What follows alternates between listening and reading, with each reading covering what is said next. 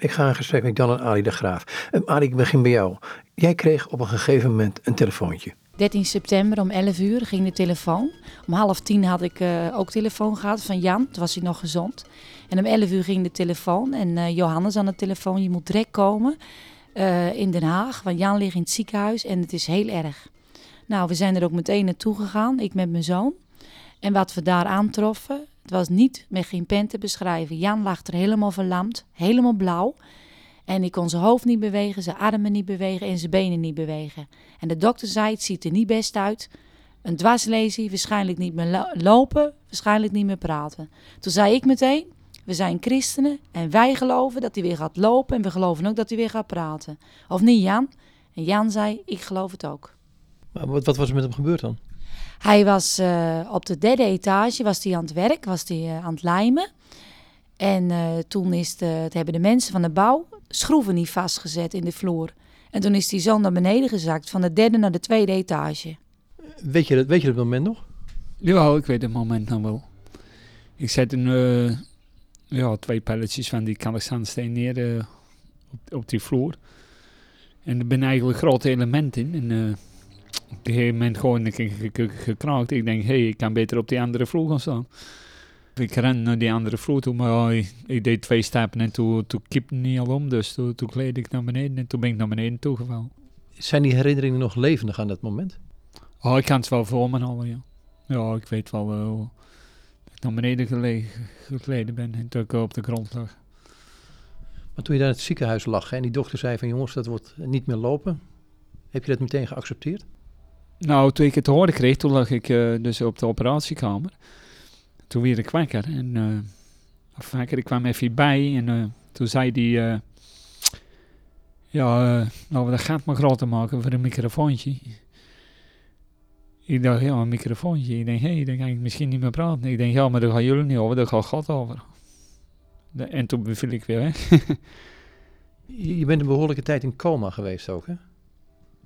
Nou, in coma, ze hebben me, ja, ik ben wel even weg geweest, maar meer houden ze me weg door de morfine.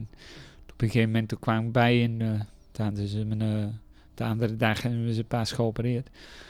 Toen liep ik, uh, toen lag ik op een houten plaats, zeg maar. Toen deed nou alles deed zeer. En toen hebben ze me dan, de andere dag is, ben ik geopereerd. En toen ik daar op de IC lag, ja, toen lag ik naar mijn handen natuurlijk zo. die ene hand was op drie plekken gebroken, deze arm. Mijn rechterarm. Dat is op drie plekken gebroken en ver, dus ik kon ook niks mee. En die linkerhand ook niet. Mijn benen deed niks meer. En uh, ja, daar lag ik dus. Dus op een gegeven moment, toen, uh, ja, toen kreeg ik uh, een droom van God. Ja, je droomt natuurlijk allemaal wel eens. Maar dat ik mijn eigen hier op de markt zag lopen. En dat ik weer liep dus. Ja, en toen kwam ik bij en ja, en toen begon ik over die droom na te denken. Ik denk, ja, zou dat nou van God wezen? Nou, zou dat nou van mijn eigen wezen? Dus uh, ik bad toch God. Ik zei, hier God, is dat nu voor nu of is dat nu uh, van mijn eigen geweest? En dezelfde nacht uh, droomde ik dezelfde droom. Dat ik, dat ik mijn eigen op zou en zo. En ik heb voor zeven jaar terug ga ik iemand tot de Heer geleid. of bevrijding voor gebeden.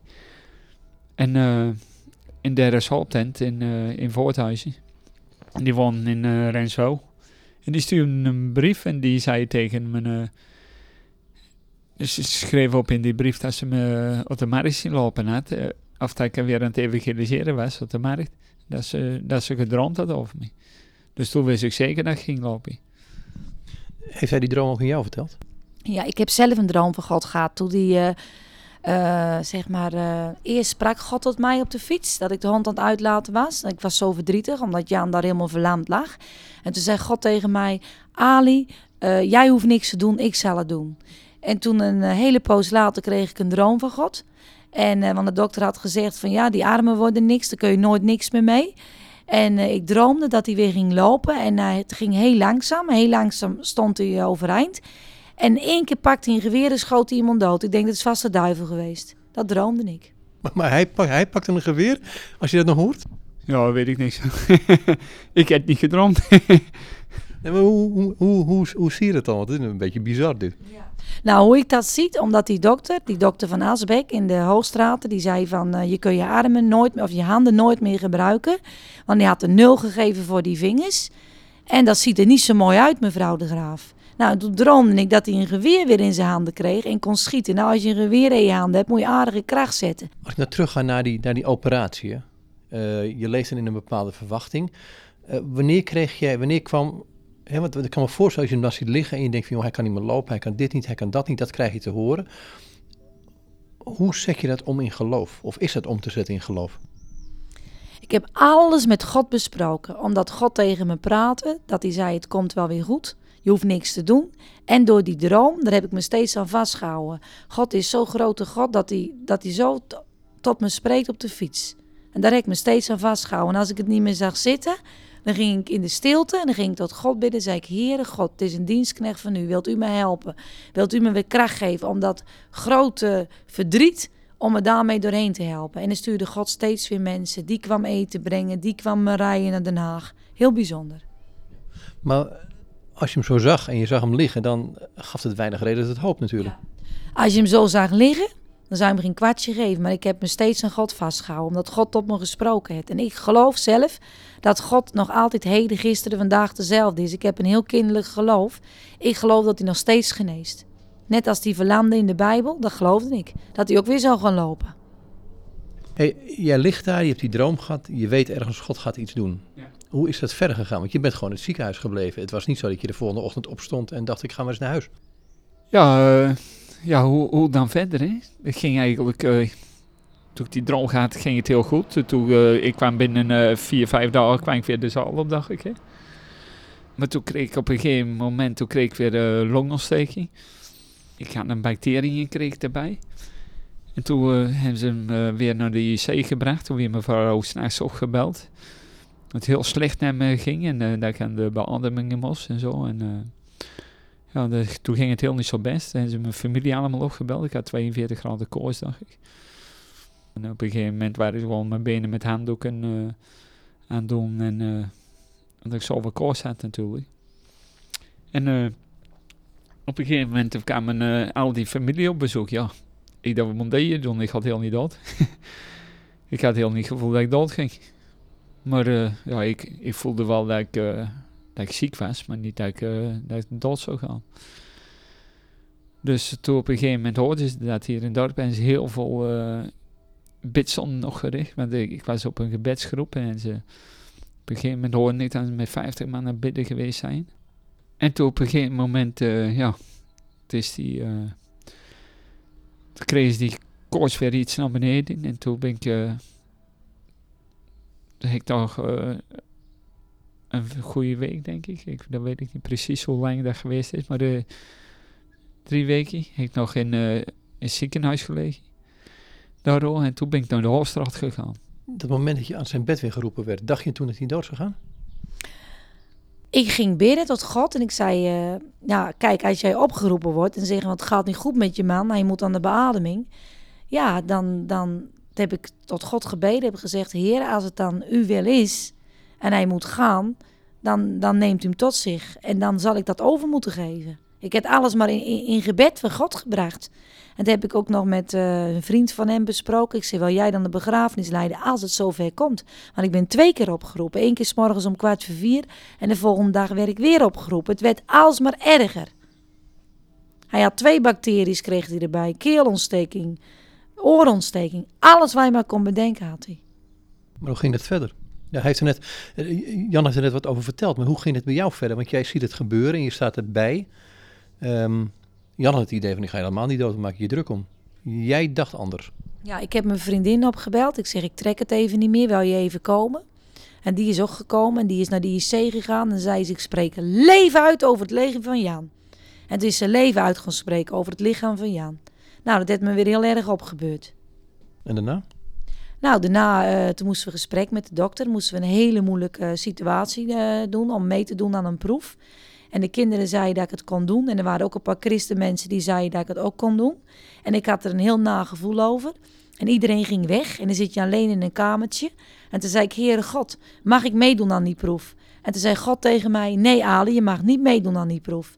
En toen werd ik s'avonds door de dokter opgebeld. En toen heb ik het eerlijk gezegd. Ik zei, God had tegen mij gezegd dat ik niet mee mag doen aan die proef. En ik geloof in God en ik wil, ja, ik wil uh, naar hem luisteren.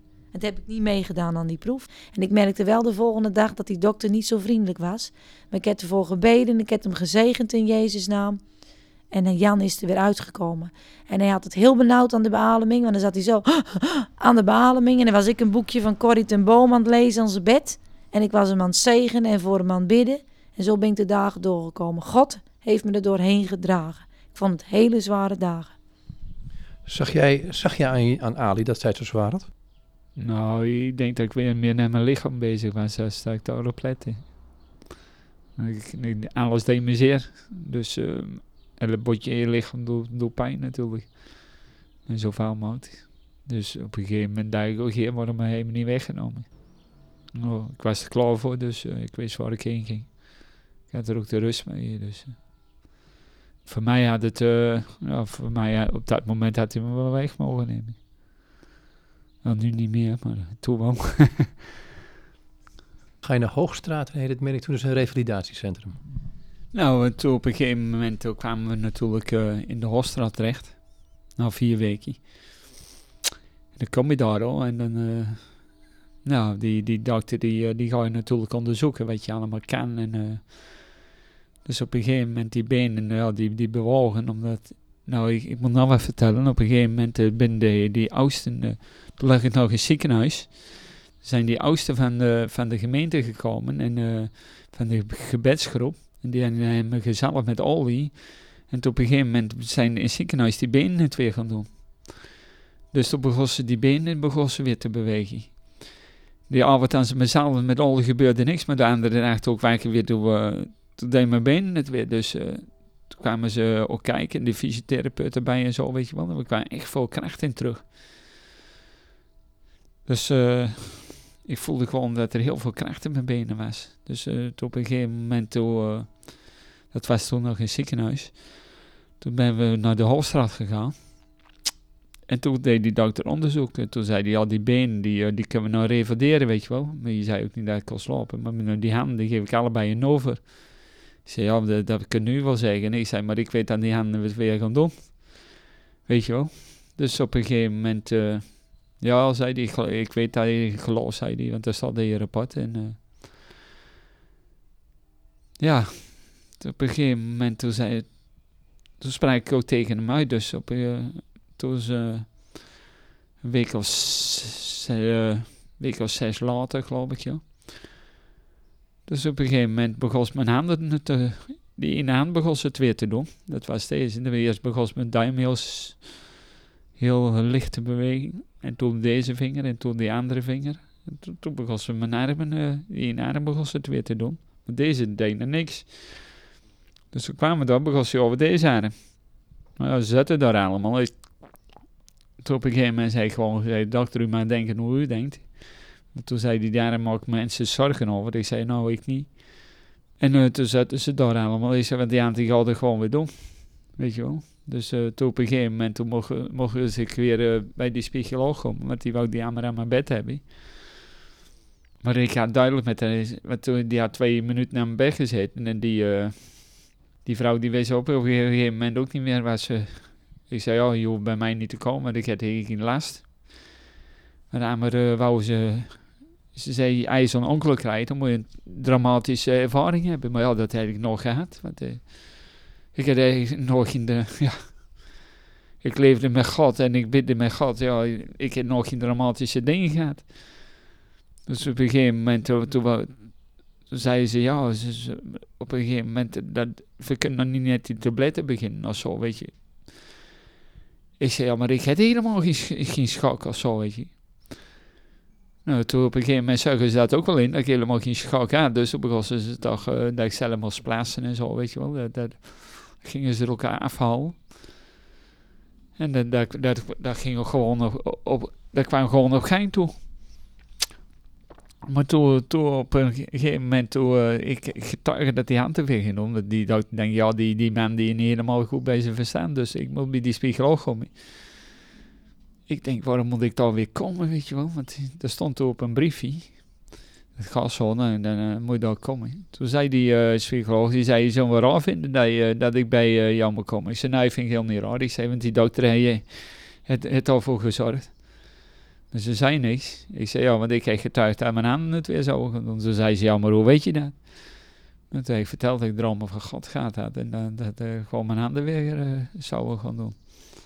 Op het laatst zei ze, ja, je hoeft niet meer terug te komen. Uh, ze zei ook wel dat ik helemaal geen shock had en niks verder meer keerde. Ik mag er niet vaak mee dat de mensen zo reageren. Toen wou ze nou weten, nou ik boos was of zo, of die man die door de die schroeven vergeten was. Ik zei, nee, helemaal niet, want dat is gewoon een ongeluk. Ja, daar kun je niks aan doen. Dat, dat gebeurt gewoon. Ja, je kunt kwaad wezen, dat weet je wel, maar dat, helpt, dat helpt dan niks. Je bent, je bent ook nooit boos geweest? Nee, ik ben nooit boos geweest. Nee. Nee. Ik heb toen, uh, voor dat ongeluk, we zijn natuurlijk voor 15 jaar terug tot geloof gekomen. Ik merkte heel sterk de, het leven met God natuurlijk altijd. Maar ik was toen die tijd al aardig druk. En toen begon ik een stem, ja, kijk even onder die vloer. Ja. Ik denk, ja, we van, al zo'n vloer een keer gemaakt. Ik denk, ja, we moeten onder die vloer wezen. Maar ja, dat is toen wel de stem van God geweest. Nou, ik heb het misschien wel gezien. Ik toen even jongen die vloer gekeken naar. Maar ja, ik liep zo op deur naar boven, ja, toen was het ook weg. Het is wel de waarschuwing van God geweest dat... Uh, om onder die vloer te kijken. Maar ja, dat heb ik niet gedaan. En eh, toen is dat ongeluk toch gebeurd. Ja, als je dit hoort, hè, wat denk je dan? Wat ik denk, uh, ik vind Jan een, uh, van begin af aan een kei van een vent die dicht bij God leeft en die op God vertrouwt. En die zei steeds, Ali, het komt goed. God gaat mij helpen. Ik vind het heel bijzonder hoe hij het met God doet allemaal. Ik had zelf niet gekund. Want ik denk als ik zelf zoiets meegemaakt had, dat ik uh, na de maand was niemand meer op bezoek gekomen. En ik had zitten piepen en zitten kermen en zitten klagen. Nooit geen klagenwoord over zijn lippen. Wat de dokters ook over hem uitspraken, hoe negatief het was. Jan bleef positief. Mijn God gaat mij helpen. Maar jij zei net ook uh, over jezelf en dat je Gods stem verstond. Hè, dat dat God tegen je spreekt. Um, hoe is dat zo gekomen? Ik was gewoon aan het fietsen met de hond. En ik, ik praat vaak met God op de fiets. En ik zei, Heere God, ik ben zo verdrietig dat Jan zoiets overkomt. En hoe moet dat verder nou? En toen zei God zo van, Ali hoeft niks te doen, ik zal het doen. En dat vond ik een enorme bemoediging. Ik, ik voelde God heel dichtbij en nog steeds. Alles wat ik doe, doe ik met God. En God helpt me overal mee. Hoe heb je dat leren verstaan, uh, die stem van God zo te verstaan? Hè? Hoe, heb, hoe, heb, je dat geleerd? Want meestal komt het niet in de lucht vallen. En, en vaak kun je je twijfels hebben over... Ja. Nou, hoe ik dat leren verstaan heb, uh, de Heilige Geest, die heb wel eens meer dingen tegen mij gezegd... waar ik niet op ingegaan ben en waar ik later heel spijt van gehad heb... En dan was het toch Gods stem. In het begin kon ik dat niet zo onderscheiden. Wat, of het van God was of van mijn eigen was. Weet je wel, mijn eigen gedachten. En toen heb ik een paar uh, misses ge, gehad. En toen dacht ik, nee, het is van God geweest. Dus ik ben nou ja, heel voorzichtig van als ik een stem hoort of een droom krijg van God. Dan weet ik, voel gewoon of het van God is of het van mijn eigen is. Dat heb ik leren verstaan in de loop der jaren. Maar hoe is dat gegaan? Is, is dit een leerproces geweest? Ja. Even, even los van die, van die momenten dat je zegt van ik heb daar niet gehoord, maar wat ging eraan vooraf? Het is een leerproces geweest. Mijn schoonvader, om het zo maar te zeggen, die is vier jaren terug overleden. En die kwam toen donderdags hier in huis en toen zei God tegen mij, Ali, je moet hem alles over mij vertellen. En dat heb ik toen niet gedaan. Toen dacht ik, ah joh, je weet al zoveel. En toen uh, is hij hier vandaan gegaan. En toen heeft hij uh, in het ziekenhuis gelegen. En toen is hij ook een paar dagen later overleden. Toen heb ik het nog geprobeerd in het ziekenhuis, maar dat lukte niet echt. Want hij was, hij was zo zwaar ziek. Maar zo ben ik er eigenlijk door schade en schande achter gekomen. Dat God dingen tegen je zegt. En daar moet je wel op ingaan. We gaan dan nog eens een stapje terug. Uh, nog een stapje terug, hoe bedoel je dat? Hoe, hoe weet je nou dat het iets van God is? Je zegt, ik had het tegen mijn schoonvader moeten zeggen, maar wat is daar dan vooraf gegaan? Mijn schoonvader kwam altijd hier en het was mijn grote vriend. Ik trok altijd met hem op. En hij weet dat ik met God leefde. Maar ja, ik weet niet. Ik wou eigenlijk toch veel meer over God aan hem vertellen. Dat eigenlijk had ik eigenlijk met hem willen bidden, om het zo maar te zeggen. Maar voor tien jaar terug was ik toen niet zo ver. Als het nu zou wezen, zou ik zeggen van pa, mag ik met je bidden? Weet je wel, ik ben gewoon gegroeid. Het is een leerproces. Ik, kijk, als God me nu wat op mijn hart geeft, dan vraag ik ook, mag ik met je bidden? Maar dat zou ik voor tien jaar terug niet durven. Maar, maar hoe is het, ik ga nog een keer naar anders vragen, hoe is het begonnen? Uh, ben je zoals kind opgegroeid of... of? Uh, ik heb wel een christelijke opvoeding gehad, een hele zware opvoeding. Mijn moeder heeft me altijd heel bang gemaakt voor de hel. Maar nooit eigenlijk zo over de liefde van Jezus verteld. Maar kijk uit, kijk uit, dan ga je naar de hel. En ik was zo bang voor God. Ik was zo ontzettend bang voor God. Want ik denk, ik zag God meer als iemand van die straft en die je naar de hel stuurt. Dus ik ben heel erg bang voor God geweest altijd. En dat is gekomen toen ik acht jaar was. Toen hebben ze me meegenomen naar de magnetiseur. Omdat ik nog in mijn, mijn bed plaste. Tantes van mij die hadden me meegenomen naar de magnetiseur. En na die tijd ben ik zo angstig en bang geworden. Ik was blij dat ik niet meer naar de kerk hoefde, omdat ik in een verzorgingshuis werkte. Dus om de 14 dagen hoefde ik niet naar de kerk. En toch was ik bang. Dus er, werd iemand, trok iemand aan me. God trok aan me. En de duivel trok aan me. En ik was heel bang om te gaan slapen. Ook bang dat ik niet meer wakker werd. En ik wist ook niet waar ik heen zou gaan. Want ik wist niet waar ik heen zou gaan dat ik zou sterven. Ik was zo bang. En niemand die heeft me dat ooit verteld. Wel dat er een hemel was en een hel was. Maar nooit heeft iemand me verteld hoe je eigenlijk in die hemel kon komen. Tot op een dag van 15 jaar terug heeft mijn man ook een heel ernstig auto-ongeluk gehad met een bakwagen. En die man, dat bleek een evangelist te wezen. We gingen kijken naar de bakwagen. En die zei tegen ons: Mag ik je het evangelie eens vertellen? Toen zei ik: Natuurlijk mag dat. En hij vertelde heel eenvoudig: We staan met de rug naar God toe. Maar we moeten ons omkeren. En wil je de deur van je hart open doen? En wil je Jezus in je hart vragen? En toen hebben we dat allebei op 21 december, 22 december, een dag na onze trouwdag, hebben we dat gedaan. En we hebben allebei ons hart aan de Heer Jezus gegeven. Maar mijn man die liep na een jaar met de Bijbel op straat, maar ik had stagnaties. Want omdat ik, ik had wel mijn hart aan Jezus gegeven, maar die duivel die wou me niet loslaten. En iedere, bijna iedere nacht moest Jan voor me bidden dat ik zo bang was. En op een nacht had ik de duivel aan mijn bed gehad. Een hele grote gedaante. En toen heb ik Jan wakker gemaakt. En die zei, in Jezus naam ga weg. Duivel, laat Ali los. En toen is het altijd weggegaan. Het is weggebleven ook. Ik heb nooit maar, maar had, dat, had het met die magnetiseur te maken? Ja. Het had met die magnetiseur te maken. Uh, ik kwam binnen en die vrouw die legde meteen een vloek op mij. Ik was altijd angstig. Ik heb nooit meer in mijn bed geplaatst, maar ik was altijd angstig. Altijd op de vlucht. S'avonds durfde ik niet in donker op de fiets. Als ik naar de wc ging, moest het raampje dicht. Ik was altijd bang. Altijd bang. Maar wat, wat is er met die vloek gebeurd? Is die ook verbroken? Wat, dat kan, hè? Ja. Die vloek is verbroken. Jan heeft eerst voor mij gebeden en het in Jezus' naam verbroken. Die heeft de duivel weggestuurd.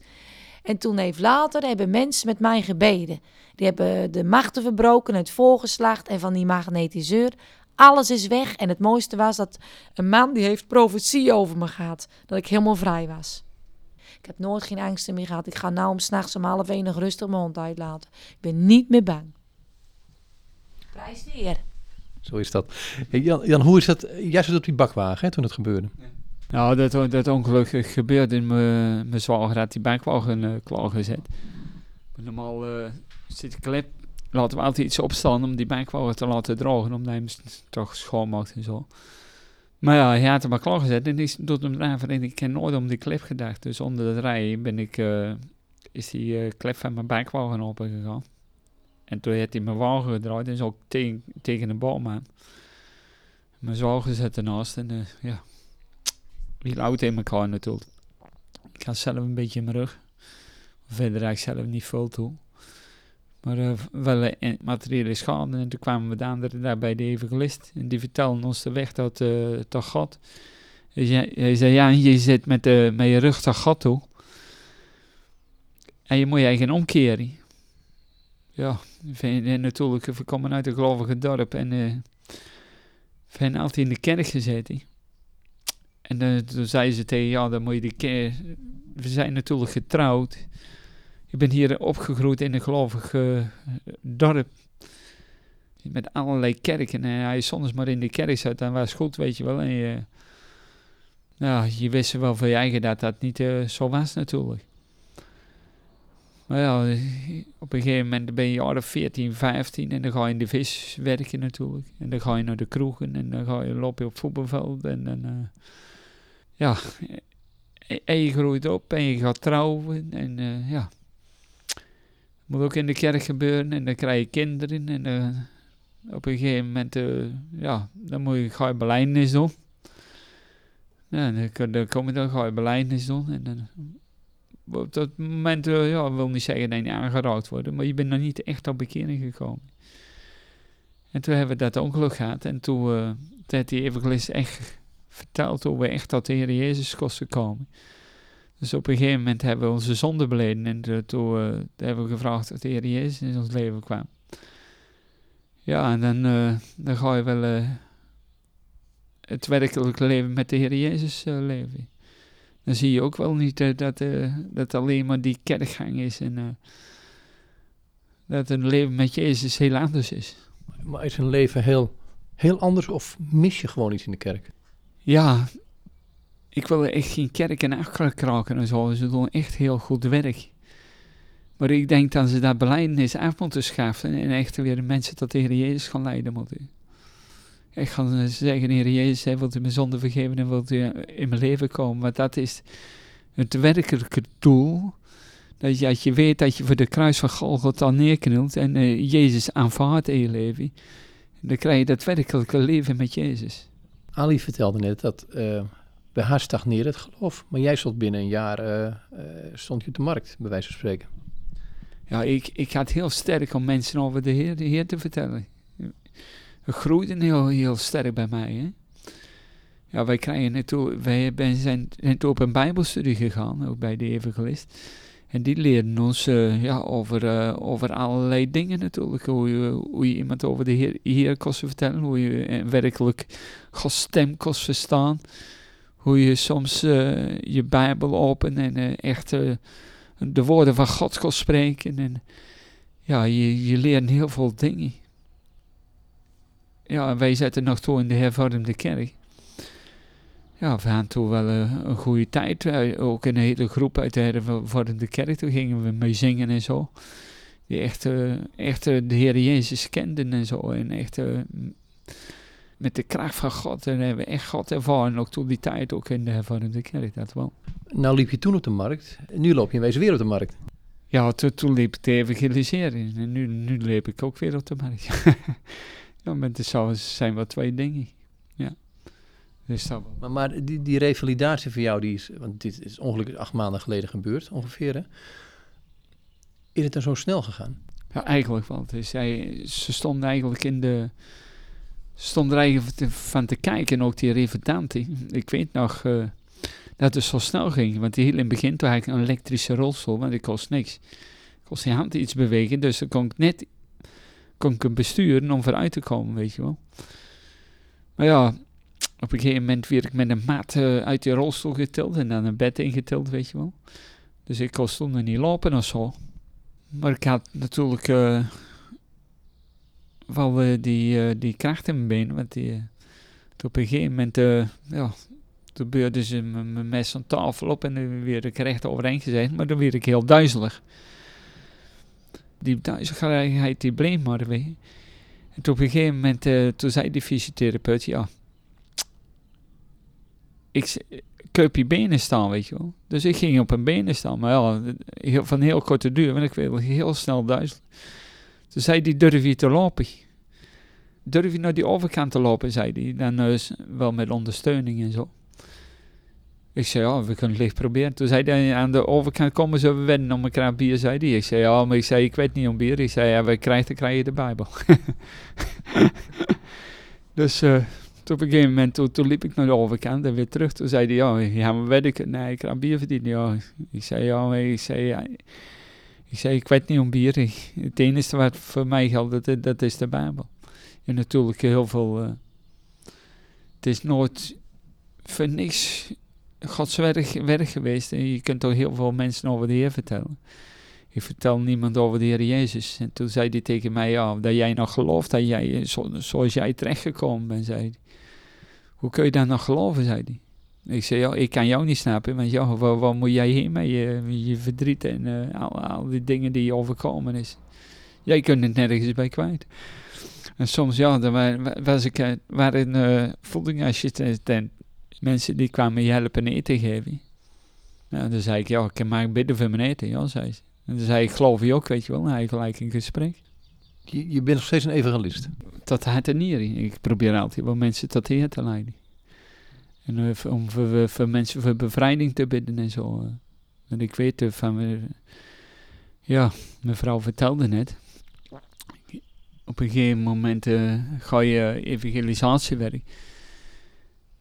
En toen op een gegeven moment krijg je toch mensen die hier scopisten en zo geweest zijn. En, eh, en eh, aan doen. En eh, wat is er niet waarzeggerij? Ja, wat, wat, wat is het? Vroeger je, eh, hield je een spel met in en dat haalde je heen en weer.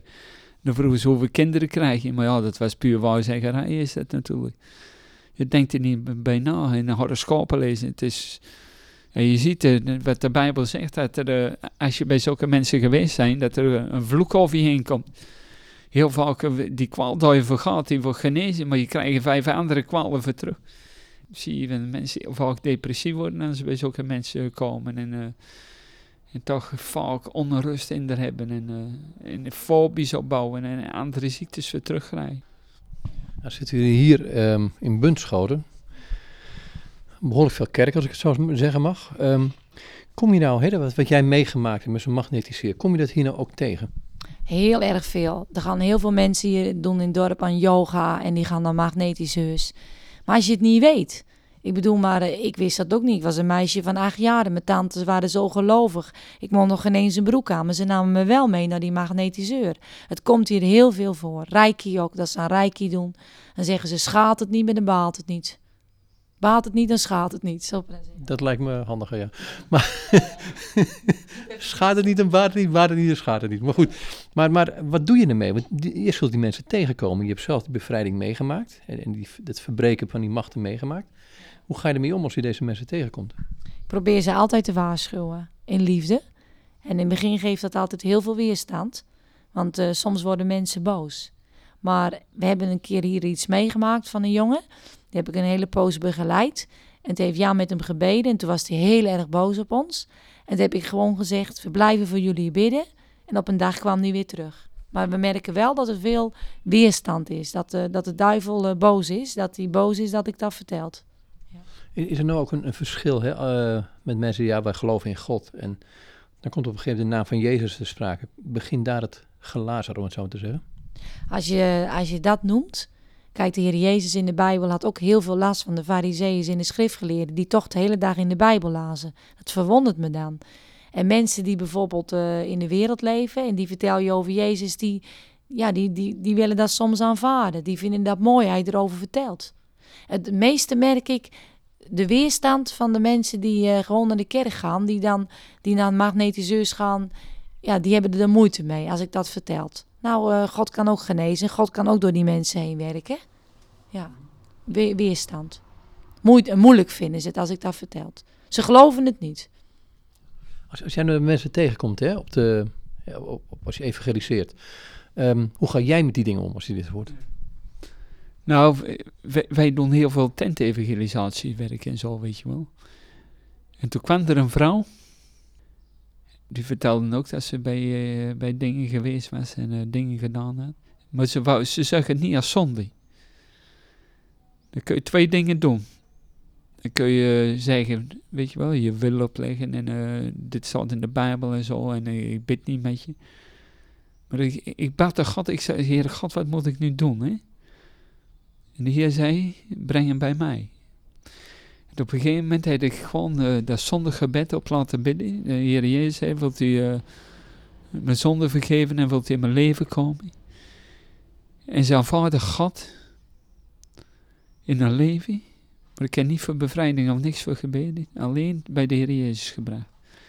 En ik hoorde toe, een half jaar later, dat- dat ze heel veel dingen uit haar huis gegooid heeft en dat ze die dingen toch beleden heeft. Weet je wat het is? hè? Wij kunnen niet overtuigen, maar Jezus wel. En daarom is het belangrijk dat die, die, mensen bij de Heer Jezus brengt.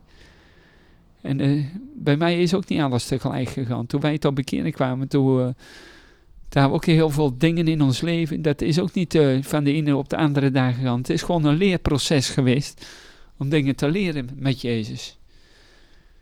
Ja, je, je voelt de liefde van God. Het moet niet iets opgelegd wezen, maar het moet van binnenuit komen. Dat is zo belangrijk. Maar mensen weten niet waar ze op te halen. De, de Bijbel zegt, als je niet wederom geboren wordt, dan dus het koninkrijk van God niet zien. Dan denk je, ja, wederom geboren, wat is dat dan? Ja? Wat, wat is het woord wederom geboren? Want het, is een heel moeilijk woord. Als je nooit in de kerk geweest bent, ja, maar wederom geboren. Ja, wat, wat is dat voor een woord? De Bijbel zegt heel duidelijk, als je tot de Heer Jezus je zonde beleidt en vraagt of of hij in je leven komt en, hem aanvaardt als je, uh, als je verlosser, dan weet je dat je wederom geboren wordt. Want wat, jij doet niks, maar de, Heilige Geest komt neer. En uh, ik weet nog dat ik uh, dat zondagsgebed opbad. En dat mijn ogen gewoon opgingen. Gewoon die honger naar Gods woord en hoe, hoe, je, hoe je de kracht van God kreeg.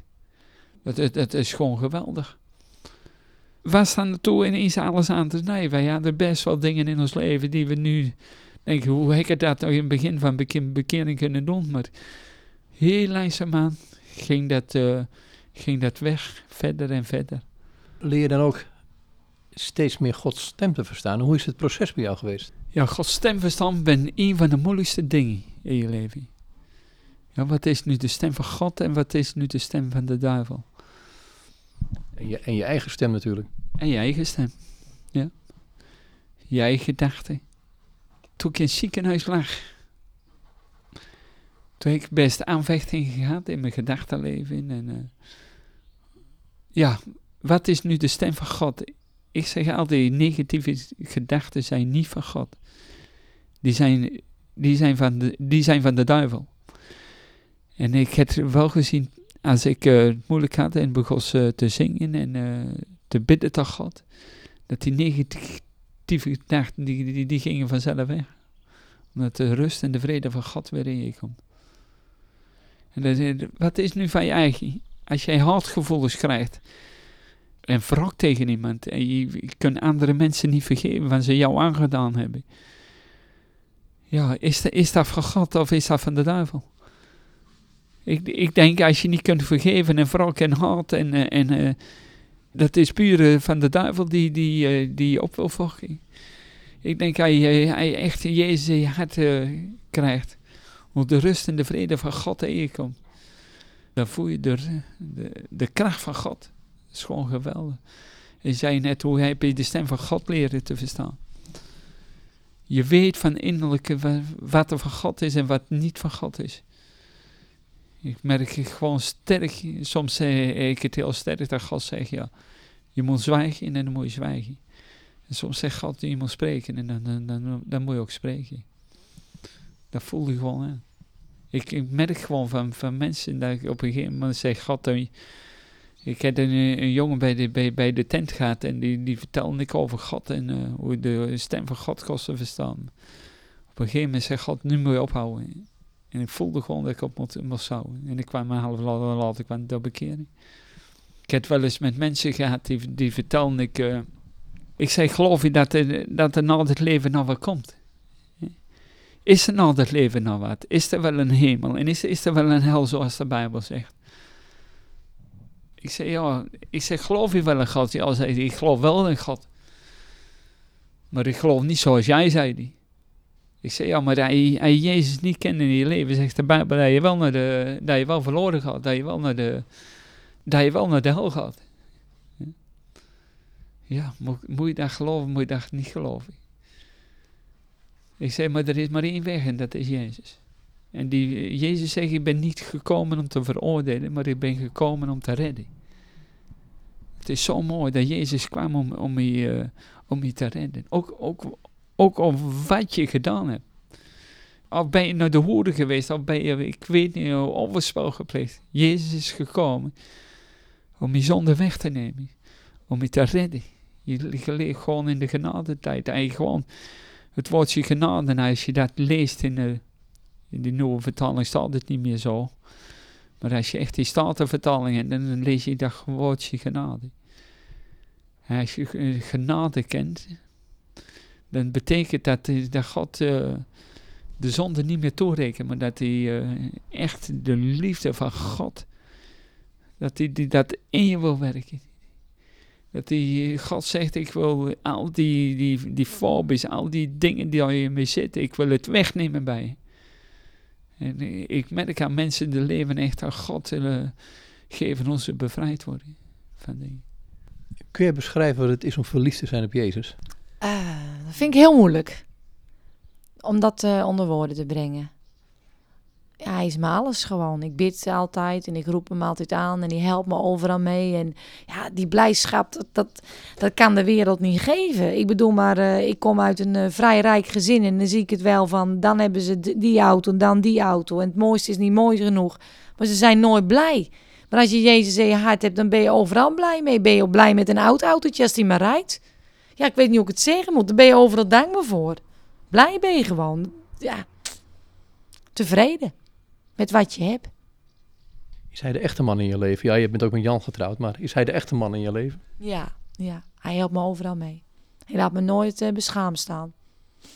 Ja, is nummer één in mijn leven. Als het naar jou gaat, jij zei op een gegeven moment, zeg je, er was een moment dat ik God tegen me hoorde zeggen van, kijk onder die vloer. Ja. Is er ook een moment geweest dat je later hebt moeten beleiden van, had ik maar wel geluisterd? Ja, zeker weten. Ja. Ja, ik heb dat echt beleden. Ja, ik, ik kreeg gewoon zijn stem niet verstaan. eh. Dan eigenlijk, eigenlijk het, eh, toen ik geluisterd had en ik wist dat van Gods stem het was. Ik had het weten kunnen, want ik, ik, ik, weet wat, eh, wat, wat het is om, om Gods stem te verstaan. Die is altijd heel zacht en hij klonk heel zacht in mijn... ik had het weten kunnen.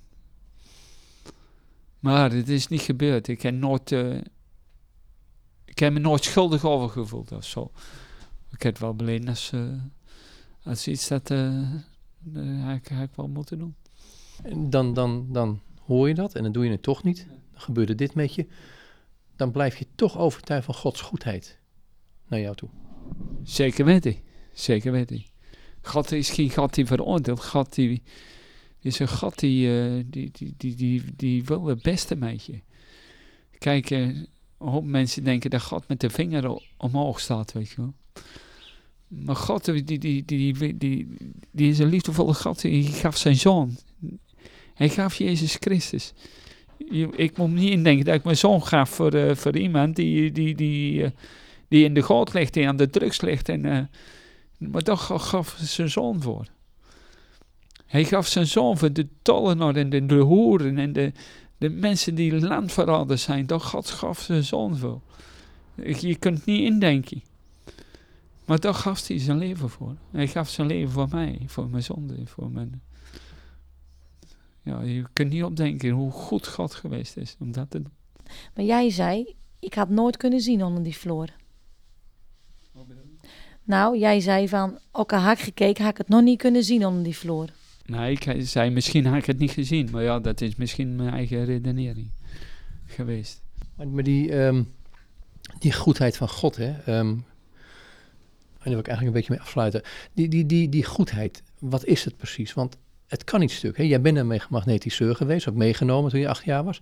Dat heb je toch moeten beleiden en het moest verbroken worden. Daar kon je niks aan doen als achtjarig meisje. Kun je iets beschrijven van die goedheid van God? Ja, eh, ik praatte toch altijd over God. Ik wist, eh, ik was heel bang en angstig. En ik werkte in een bejaardenhuis en toch had ik het altijd over God. En ik was heel bang. Ik was altijd bang voor God. Want ik dacht, oeh, als die straft, dan ga ik naar de hel en dan kom ik nooit meer uit. En het is een brandend vuur. En oeh, ik was altijd zo bang voor God. En nu ik die liefde eh, van God leren kennen heb, dan die is zo groot. Want ik lees in eh, de Bijbel van... Want al zo lief heeft God de wereld gehad dat hij zijn enige geboren zoon gegeven heeft. Omdat een ieder die in hem gelooft niet verloren gaat, maar eeuwig leven heeft. God heeft zijn zoon niet in de wereld gezonden omdat hij de wereld veroordeelt, maar omdat de wereld door hem behouden wordt. Wie in hem gelooft, wordt niet veroordeeld. En wie niet gelooft, is reeds veroordeeld, omdat hij niet heeft geloofd in de naam van de enige geboren zoon van God. En dat vind ik heel mooi. Toen ik de Bijbel gaan lezen ben, toen is eigenlijk het woord van God meer gaan spreken. Door de Bijbel. Is, het nou zo, hè, als, als, ik, als ik jouw laatste vraag stel, is het nou zo dat wat de duivel probeert in ons leven, is ons te verblinden voor de goedheid van God? Ja, ik denk dan, nou, nou heb ik het al pure christenen. En die christenen ze wakker zouden worden voor de macht van de duivel en de macht van God. En zie wat God allemaal voor je klaar hebt liggen. Ik denk aan, aan die ogen open zouden gaan, dat je een opwekking hier zou krijgen. Een hoop christenen die leven maar in die, eh, onder de maat. En ik, ik, ik denk zelf, God wil zoveel meer geven. Hij wil zoveel meer geven. Hij denkt altijd, hij wat fout doet, dat hij gelijk met die vinger omhoog staat. Ik denk dat God wel wil hè, dat, dat hij zonder beleid. Maar dat hij... eh, ik zie God meer... eh, hij is heilig. Hij is mijn vriend, hoor. Ik alles tegen vertellen kan.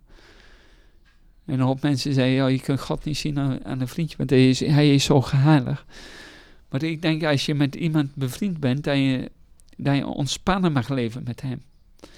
Een hoop christenen leven in een kram. Maar God zegt, leef met ontspanning. Leef met de, met de liefde van mij. En eh, als, als, je een vriend hebt, dan hoef je je niet gespannen te voelen. Of dan hoef je niet in, in een kram te leven. Maar dan mag je in ontspanning met hem leven. Wat, wat zijn die grotere dingen die hij, hè, die grote macht van hem, wat zijn het die dingen die jij denkt dat hij nog gaat doen? Nou is het moeilijk om te beantwoorden, want je weet natuurlijk niet wat God in de toekomst gaat doen, maar, maar kun, je, kun je het een beetje onder woorden brengen hoe die verwachting voor jou is? Die grote dingen die God gaat doen. Jezus zegt, ik, eh, als je mij gelooft, zul je grotere dingen doen dan dat, ik- gedaan heb. En ik, ik denk nog, nog steeds, en ik geloof in de almacht van God, dat hij veel meer grotere dingen door jou heen wil doen. Soms is het heel moeilijk. Soms bid je met mensen en dan worden ze prompt zo genezen. En mensen die, eh, die, die 30 jaar aan de drugs zitten, worden in Heer zo van de drugs afgeholpen. En andere mensen moeten weer een hele traject doorstaan. Die mo- moeten weer door eh, ja, naar een tehuis toe om af te kicken en al die dingen. En, en die merken God ook in hun leven. En er zijn ook mensen, ja, daar bid je voor en die worden niet genezen. Ja. Dus daar zit wel een spanningsveld in. Maar ik denk wel dat je grote Hij is je heelmeester, hij is je redder, hij is je bevrijder. En je mag grote dingen van God verwachten. Is het zo dat je grote dingen van God mag verwachten? Groter dan Jezus zelf heeft gedaan? Ja, het staat in de Bijbel en wat de Bijbel is, is waar. Ik geloof de Bijbel van Genesis tot openbaring. Ik geloof alles wat in de Bijbel staat. Ook dit. Ook dit, dat geloof ik zeer zeker. Ik heb een groot geloof dat God grote dingen gaat doen. Ook hier in het dorp, Bunschoten, Spakenburg. Ik hou van mijn dorp en ik hou van mensen. Hé, dankjewel.